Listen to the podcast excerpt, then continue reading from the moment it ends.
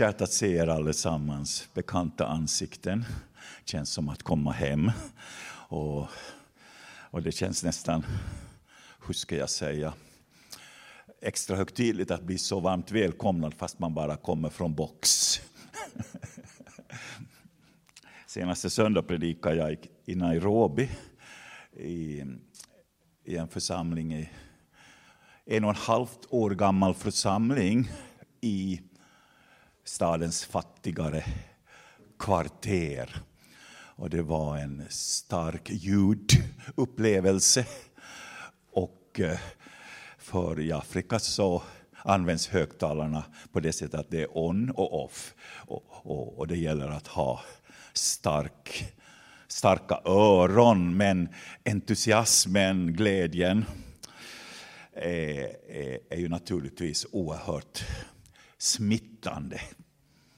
Också för en gammal man från Sibbo. Eh, det som var alldeles speciellt där var, var också det att när söndagsskolan skulle börja så var halva publiken söndagsskola, så det var långt över hundra barn. Och det som var det extra gripande var det att församlingen har, har det på det sättet att man tar alltid direkt tionde från kollekten för att koka lunch åt alla barn som äter efter gudstjänsten. Och det är en väldigt viktig och betydelsefull eh, tjänst man har i, i, i den här församlingen och jag tror i många flera. Kenya är ju ett land som, som eh, där det inte råder brist på församlingar, om man säger så. I Nairobi så tycker jag att det är en församling var hundrade, vad heter det, hundrade meter. Var hundrade meter, tack. Och, och, och det är både, det är ju förstås väldigt uppmuntrande att komma från ett hednaland från norr i Finland, där kyrkorna står ganska glest och är ganska, Eh, där det finns mycket rum i, i, i kyrkorna. Och, å andra sidan så har vi en väldig röra också, teologiskt, församlingsordning och mycket annat.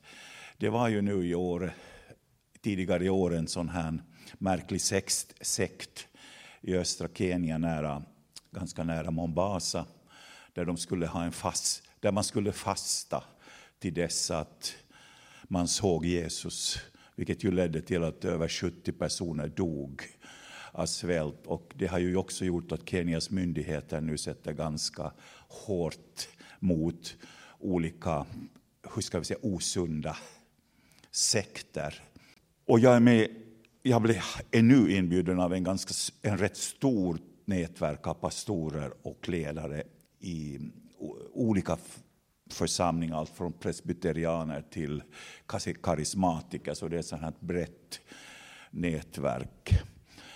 Så jag hade tre seminarier nu med över 200 pastorer, biskopar och eh, apostlar och alla möjliga titlar.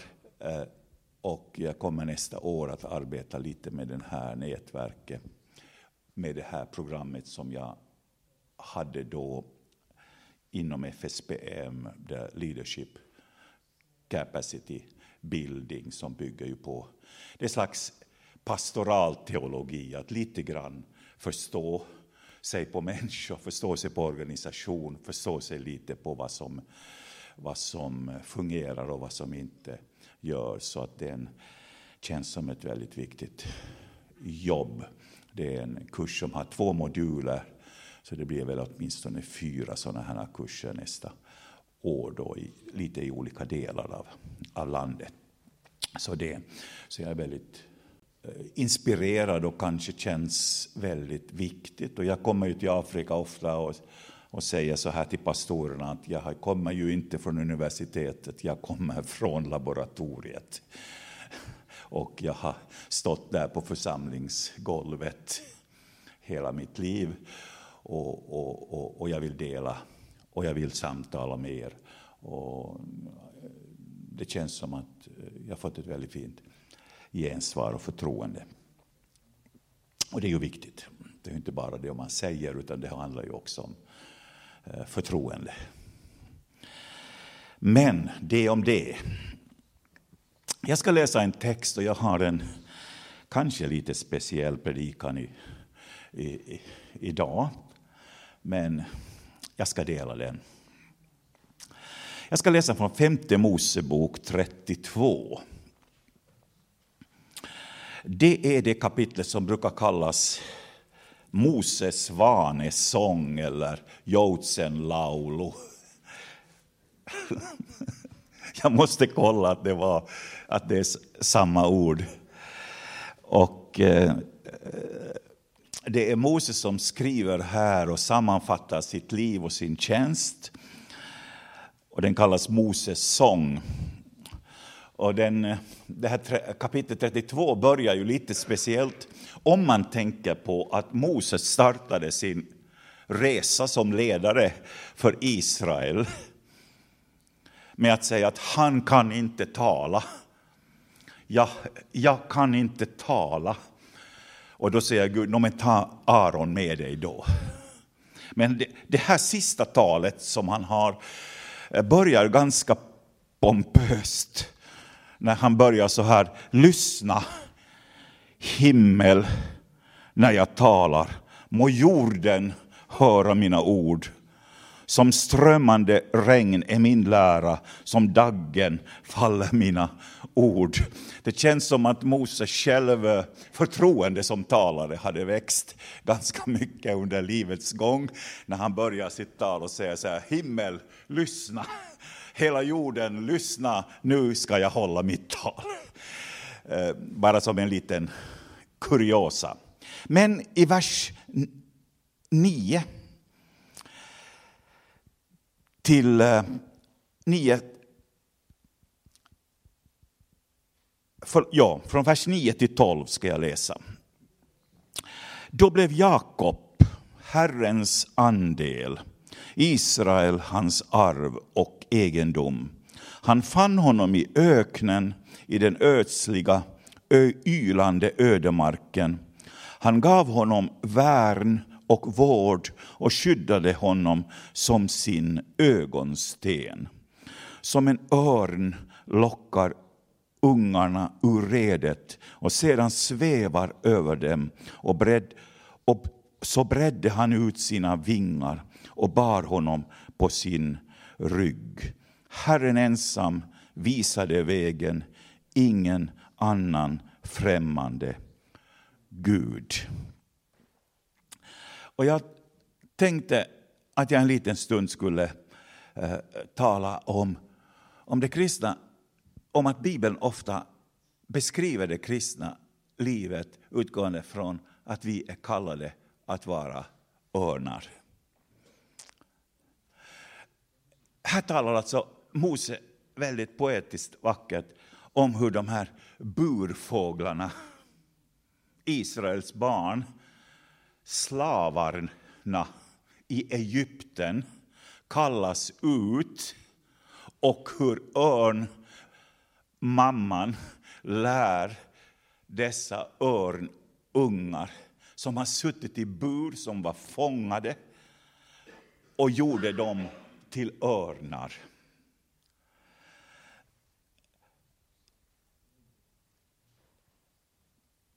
Som burfåglar så ledde. Och Gud hörde deras rop och han kunde se deras tårar. Men Mose hörde rösten från Gud i den brinnande busken och säger, jag har kommit ner för att rädda dem ur egyptiernas land. Ge fri, gå, säger Herren, och ge frihet åt mitt folk. Och Mose förde burfåglarna ut ur fängelse och ut i friheten. Och syftet med allt det här det var att de skulle tillbe Gud där i öknen. Lära sig att bli tillbedjare. Det här hände inte på en dag. Det var en och det blev en, väldigt lång resa. Det var många misstag och det var många, många besvikelser. Men jag läste här just, han undervisade dem. Han behöll honom, alltså Israel, som en ögon, ögonsten.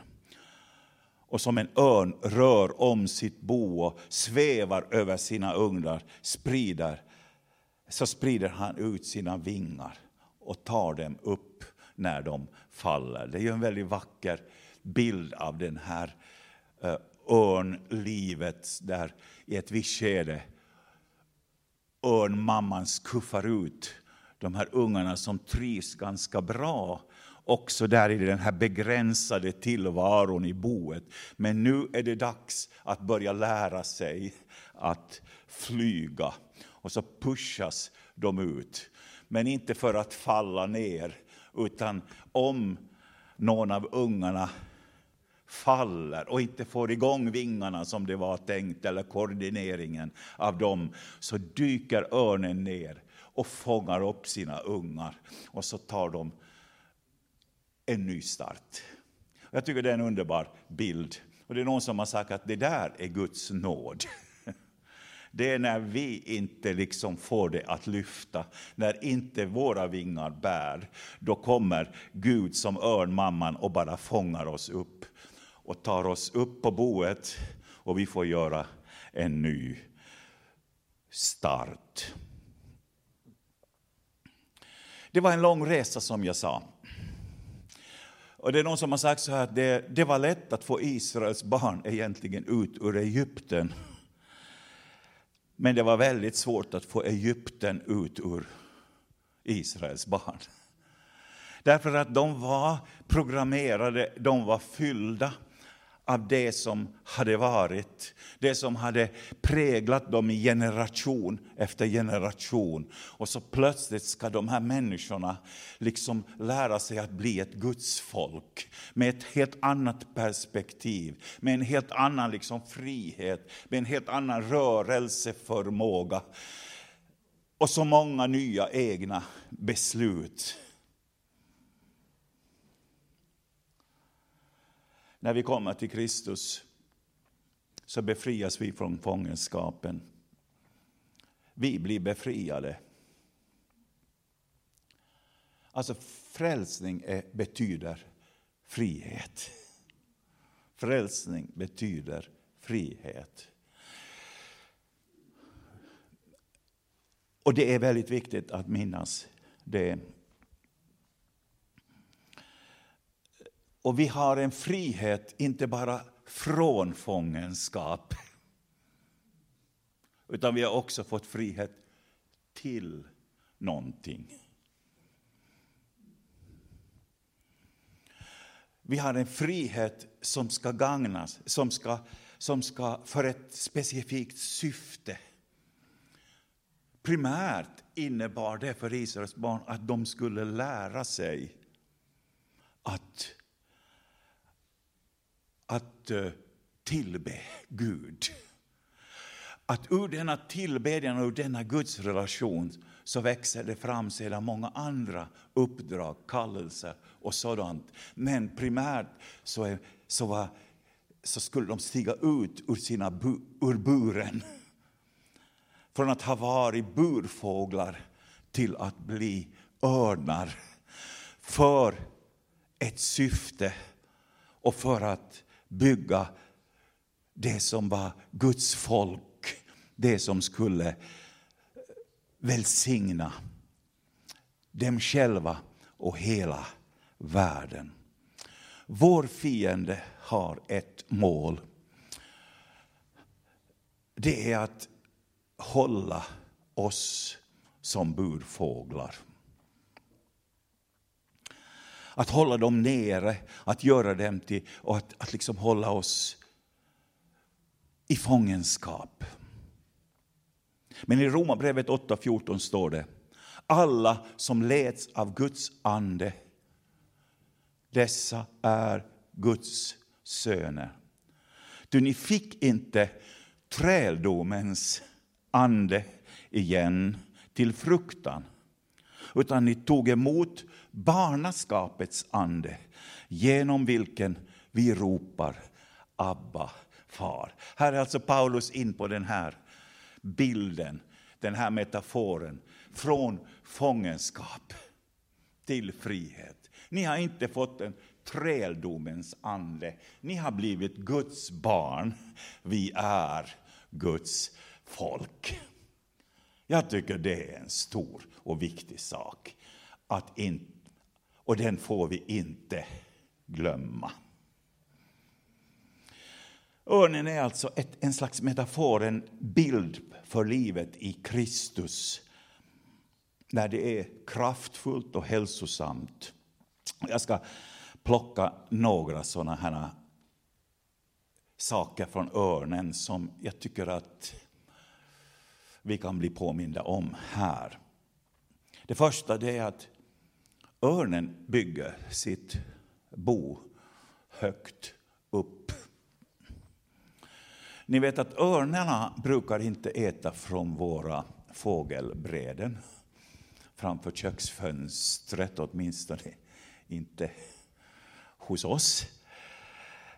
Därför att örnar bor högt uppe och de, de jagar och de finner mat med andra metoder.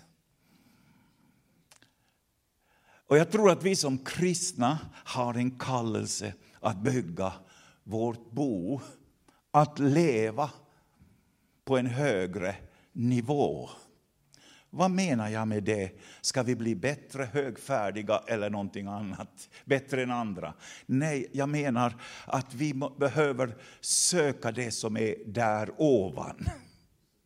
Jag menar ju att vad Paulus försöker beskriva i Galaterbrevet 5 5 är det att han säger köttets gärningar är, och så kommer det en ganska tråkig lista som är som en spiral som drar oss ner. Och så fortsätter han och säger andens frukter, det är kärlek, glädje, frid och alla de här andens frukter.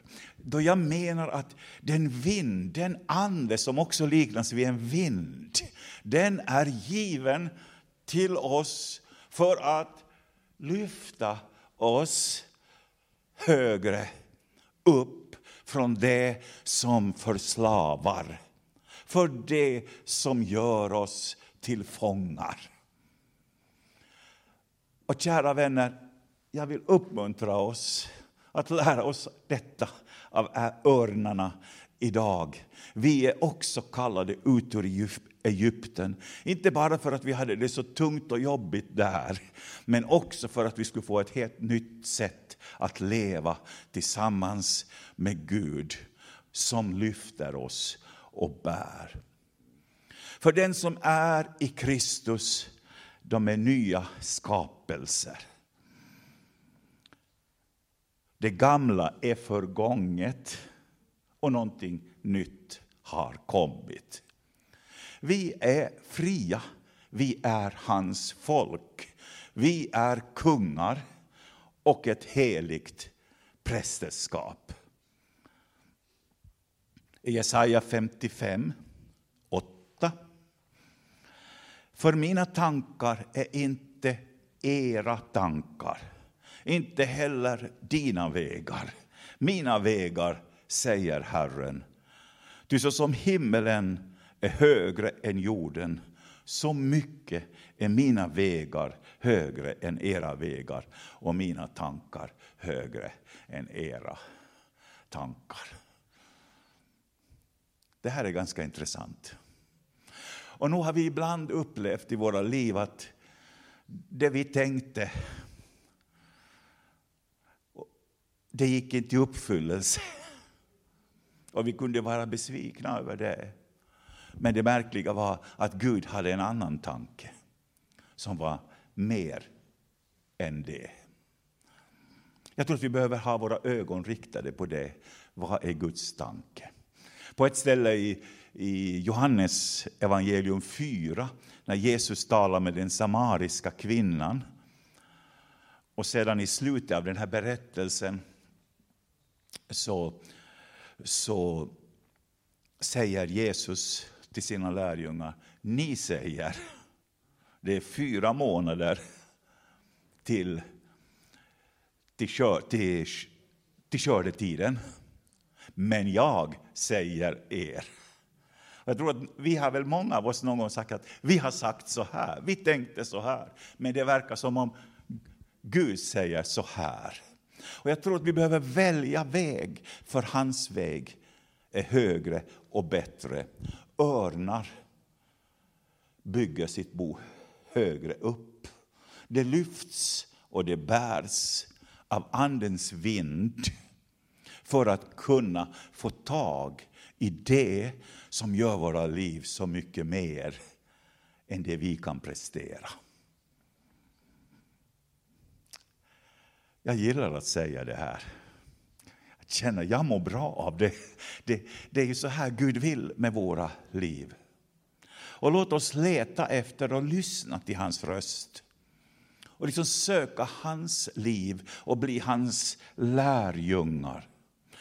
Låt oss aldrig glömma vilka, vem vi är i honom.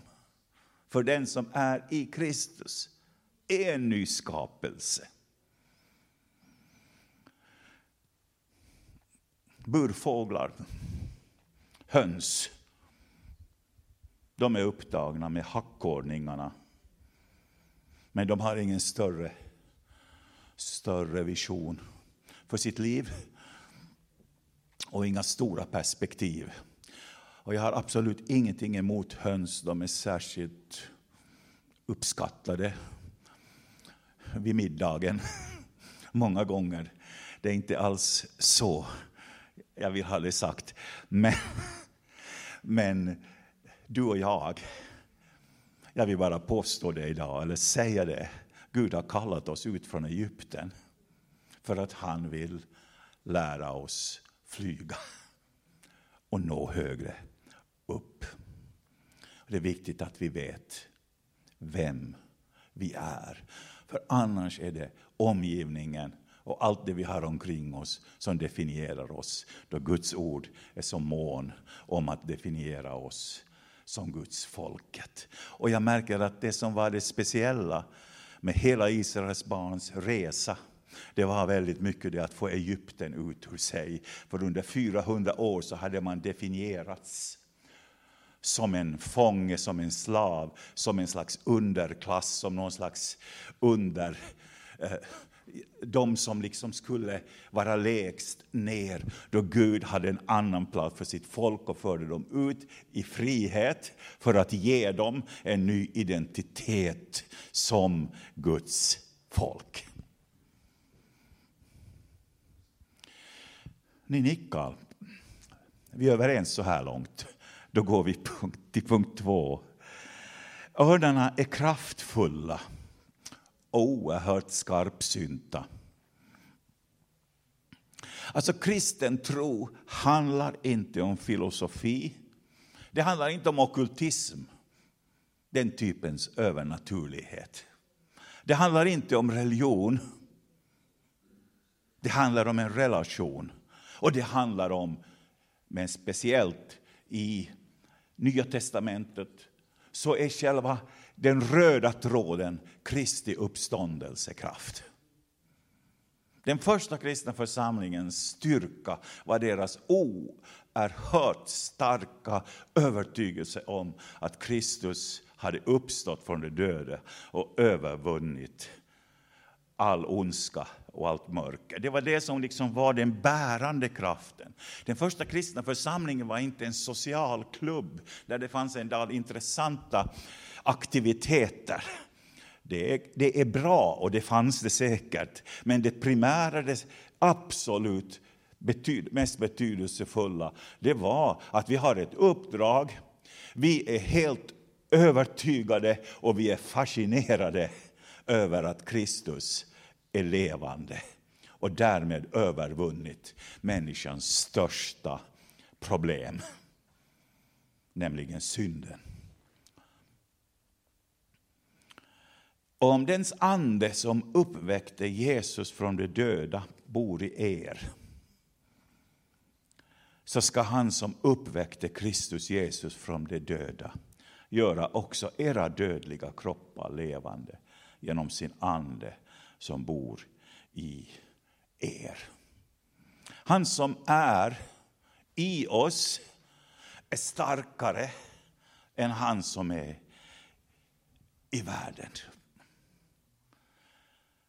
Och det här behöver vi i vår mörka tid som är så full av hopplöshet och så mycket hot och så mycket som skapar både bekymmer och oro, behöver vi inse att det kristna livet kan utöva en stark positiv kraft i våra liv därför att tron på den uppståndne Kristus skapar hopp. Och är jag, har jag hans närvaro i mitt liv så kommer det att på ett starkt sätt också motstå den negativa influens som jag har utifrån. Så att jag kan känna att mitt i nyhetsflödet kan jag känna Gud, du har inte glömt världen. Du har fortfarande världen i din hand. Och jag är helt övertygad om att det här är inte slutet. Det kommer en ny dag då Kristus kommer tillbaks. Och han kommer att säga, nu får det räcka. Nu får det räcka. Nytt ser.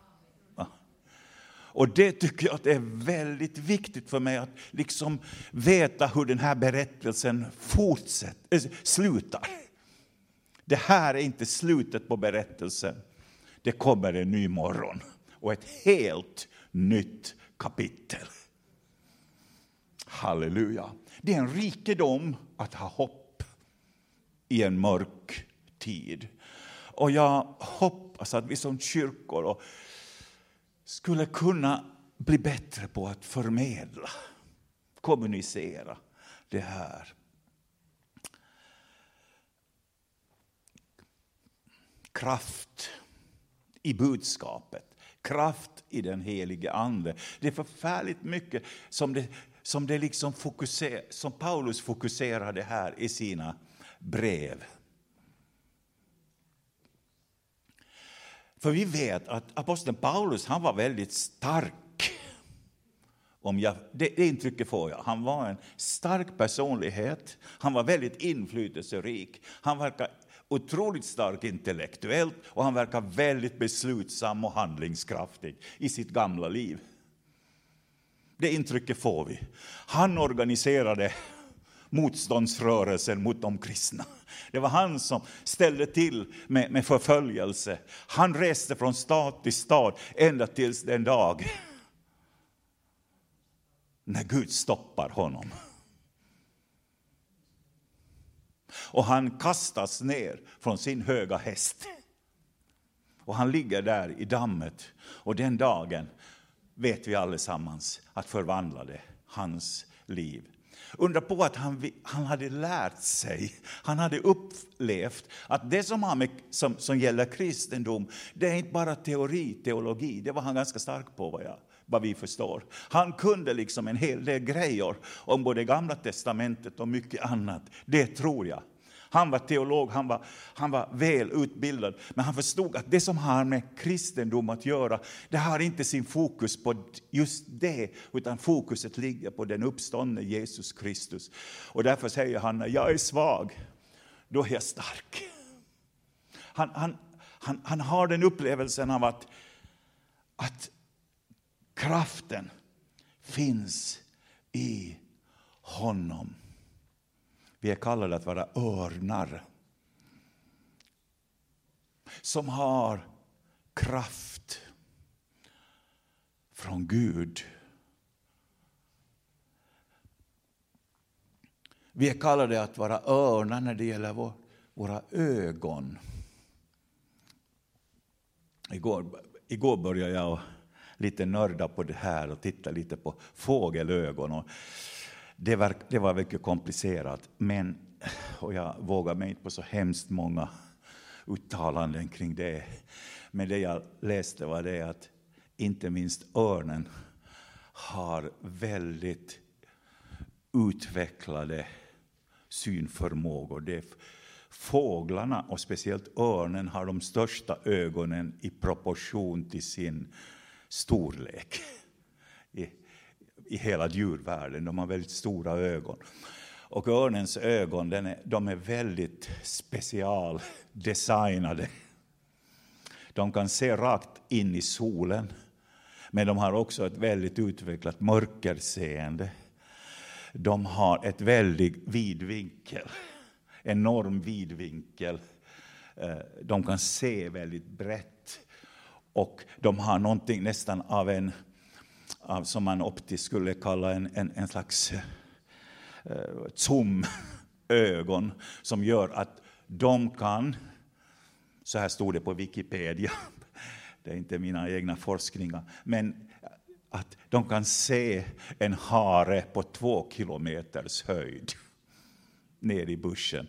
Och det är, tycker jag, en enorm, vad ska man säga, eh, skarpsyn skarp syn eh, eh, Eh, eh, som de har. Och jag tänker att är det någonting som Guds folk behöver i den här tiden så handlar det om synförmåga. För vi lever i en tid då det mesta är väldigt blurr, blurrigt, väldigt otydligt. Men den här liksom fokuseringen, det här eh, Eh, att, att, att kunna se med skarp blick, det är så viktigt att förstå vad som är vad i vår tid. För vad vi ser, det påverkar våra liv. För vad vi ser påverkar våra liv. Och när eh, Jesus talade till församlingen i Laodicea, som hade stora problem som vi alla vet i Uppenbarelseboken, då säger han så här till den församlingen, efter att ha påpekat deras problem, så säger han, gå och köp ögonsalva. Och det verkar som om han ville säga att en församling som är lite vilsen och bortkommen och inte riktigt hittar sitt fokus behöver helt enkelt medicin för ögonen. Det verkar som om problemet ibland är det vi ser eller inte ser. Det som blir otydligt och oskarpt, det vill den helige Ande skärpa hos oss alla.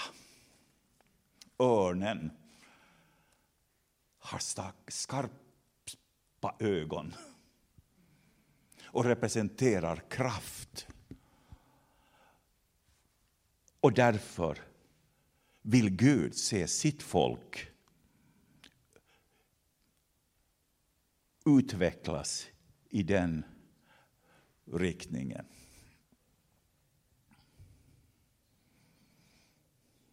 Ja. Känns det bra det här? Det tredje det är att örnen har en ofattbar förmåga att förnyas. Det har ni säkert hört någon predikan om från Jesaja 40 och 31. Men dem, de som väntar på Herren, de ska förnya sina krafter och de ska resa sig på nytt med vingar som örnar. Det här är ju en speciell sak. Därför att örnen den har de här perioderna när den helt enkelt tappar vingar. Därför kan den leva väldigt länge och därför kan den vara vital väldigt länge. Eh, och motvind, stormar, strider, jag vet inte vad som kan hända. Slitage. Det gör att vingarna under vissa perioder helt enkelt bara trillar av. Och då sitter örnen och, och väntar ruggar och känner sig lite bortkommen. Eftersom en örn gärna vill flyga och ibland så bara lyfter det inte. Därför att man är sliten, trött och ut har tappat sina vingpennor. Eldsprofeten Elia i Första Kungaboken 19. Ni vet han som fick vara med på Karmel och utmana alla Bals profeter. Han som står där som en, en, en, en enorm liksom profet och han bara utmanar all, all den tidens villolära och, och så här med en enorm frimodighet. Och säger den, som svar, den Gud som svarar med eld, det är honom vi ska tro på. Och han, eh, Baals profeter, de sa okej. Okay. Och när de gick runt där, det här altaret, och det inte ville tända, så började han ju säga att, att är, är Gud trött? Eh, är han på toaletten, lär det ska stå. Så att han var ganska, hur ska jag säga, provocerande Elia där. Men, när, och så vet vi alla att elden föll och, och allt det här. Men är det inte märkligt att när Gud har valt att använda människor så verkar människor är ju inte Fantomen. Människor är människor och plötsligt så sitter Eli, Elia under ginstbusken och det står att han har en enda bön till Gud där. Och det säger att Herre, ta mitt liv. Helt suicid, helt, helt självmordskandidat. Och han dessutom ber han Gud att sköta jobbet. Och då säger Gud, stanna kvar. Vänta här. Och så kommer Gud med, sänder han dit de där korparna med mat. Och så står det att han sover. Och så fick han mat igen. Och så fick han sova. Och det är helt otroligt vad Gud använder sömnen och god mat för att hela trötta Herrens tjänare. Förstår ni den här liksom upplevelsen av att vara slut, att vara trött, att helt enkelt använt allt vad man har och hamna i den här, vad ska man säga, eh, backflashen. Där, där, man, där man är så tom, så tom, så tom. Och då säger Bibeln att de som väntar på Herren ska få ny kraft. När vi är trötta ska vi inte springa iväg. Då ska vi inte göra dumma beslut och då ska vi stanna kvar. Det är en bra, en bra grundregel. För Gud kommer med ny kraft. Gud kommer att upprätta dig och mig igen. Och jag har upplevt det så många gånger för min egen del. De där gångerna och de där tiderna och de här upplevelserna av, av eh, mörker och trötthet när vingarna liksom inte bär. Och det är väldigt skönt att kunna i de stunderna också få känna att det här livet i Gud, det är liksom inte liksom, hur ska jag säga, konstgjort i den meningen att du bara agerar på något sätt mekaniskt, utan du är fortfarande kvar i, i kroppen. Och vi lever med de begränsningar men också med de välsignelser som Gud kan tillföra oss. Och jag vet så många gånger när jag har legat hemma på sängen och, och sagt åt Gud att idag blir det inga böner. Jag har inga ord. Jag, jag vet inte vad jag skulle säga. Jag är bara ganska trött och undrar hur det ska bli. Och då har jag en känsla att Gud säger okej, okay, vi återkommer. Vi återkommer. Jag lämnar inte dig och du lämnar inte mig. Och vi får uppleva att han ger oss ny kraft och en ny glädje. Och nya vingar. Mm. Jag tycker jag är en gammal man nu, men jag känner att jag nog har vingar därför att han har förnyat dem. Underbart. Förstår ni? Att, att inte bara bli kvar och rugga och önska sig döden, utan också, utan också få känna att Gud ger vingar som bär för varje säsong under livet, livets gång. Och det sista, om ni orkar med en sak till. Örnar äter levande föda. Som jag sa här så äter ju inte örnarna på, på vårt fågelbräde. De äter färsk mat. De fångar fisk, smådjur. Och så, jag har sett några av de här filmerna, ni har säkert sett dem också om örnar och jag tycker att det, det är väldigt spännande att se just den här deras jaktförmåga, hur de bara kommer ner som en eh, projekt til ner i vattnet och plötsligt så har de en, en, en stor fisk till exempel i, i klorna och bara själva den här precisionen är ju imponerande. Hur de bara kan komma från hög höjd och bara landa exakt och hitta den här. Det, det handlar om väldigt skarp syn och väldig koordinering. Och så lyfter de upp den här fisken och äter levande föda. Det berättas om en fabrik, en fiskfabrik, för, långt, för, eh, någonstans, som plötsligt där eh, och, och, runt omkring den här fiskfabriken så var det tusentals med, med sådana sjöfåglar som började, hade hittat på den här möjligheten att äta allt det där eh, vad heter det, som blir kvar. Fiskräset. Ja, och de åt det här dag ut och dag in, år ut och år in. Plötsligt så stänger fiskfabriken av någon anledning. Och det som visade sig var att i skogen runt omkring fabriken hittar man plötsligt tusentals döda sjöfåglar. Och den enda förklaringen var att de här fåglarna hade aldrig lärt sig att fånga fisk själv. För de hade liksom ätit bara från en, från en färdigt dukat bord varje dag. Och jag tänker så här att det är så otroligt viktigt för oss som Guds barn, och jag ser ut över oss, vi, vi, vi representerar den gruppen av mogna kristna och den här otroligt viktiga vad ska jag säga, förmågan vi har, behöver ha, att vi kan äta Guds ord själv. Att inte vi bara är beroende att bli matade. Och jag menar att predikan är ju inte bara att mata, det är ju också att, att, att lyssna till ordet. Det finns en särskild process i det. Men nog är det otroligt viktigt för oss att ha det där egna, egna förmågan.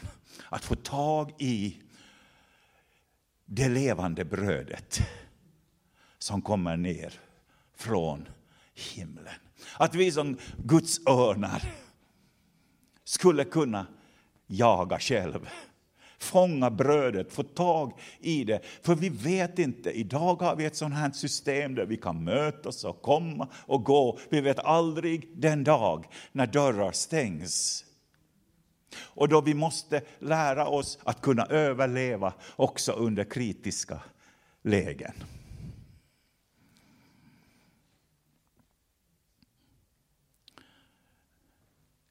Gud vill ge oss möjligheten att, att fånga levande föda. Kära vänner, vi, vi, förs, vi har förts ut ur Egypten. Från fångenskap till frihet för att bli tillbedjare. För att lära känna Gud. Vi är också i en process, liksom Israels barn, att på något sätt växa upp till det syfte Gud har för våra liv. Att mer och mer av det gamla Egypten kommer ut ur oss. Och att vi får bli mer och mer örnar som Mose här beskriver processen. Örnar som, som bygger sitt bo högt. Som låter Andens vind lyfta oss och ge oss en ny natur. Ett nytt sätt att se. Att bygga vårt bo högt. Vi är nya skapelser i Kristus Jesus. Hans tankar är högre, hans perspektiv. Vi behöver hitta och inse hur fascinerande det är att följa Jesu exempel. Och jag har sagt att örnarna, de är kraftfulla. Gud vill förse oss med en kraft som inte bara är vår, utan koppla oss samman med någonting som är mycket större än oss själva. Och det handlar om att få den här andliga skarpsynen så vi också kan se och det vi har omkring oss och förstå den tid vi lever i på ett rätt sätt. Så vi inte bara ser hopplöshet utan vi också kan se det profetiska perspektivet, det som kommer. Det som finns på näst, i nästa kapitel, det kommer att hjälpa oss att förstå den här tiden bättre, vill jag påstå. Och sedan, örnar har förmåga att förnyas. Livet är hårt. Vi möter alla stormar. Vi upplever allesammans att våra vingar nästan slits i bitar därför att motvinden kan vara väldigt obarmhärtig mot oss. Men den som väntar på Herren, han ska få ny kraft och fortsätta sin resa. Du kan ha nya vingar. Och det sista, det var alltså förmågan att äta levande föda. Inte hö från i fjol, utan äta friskt, fräscht.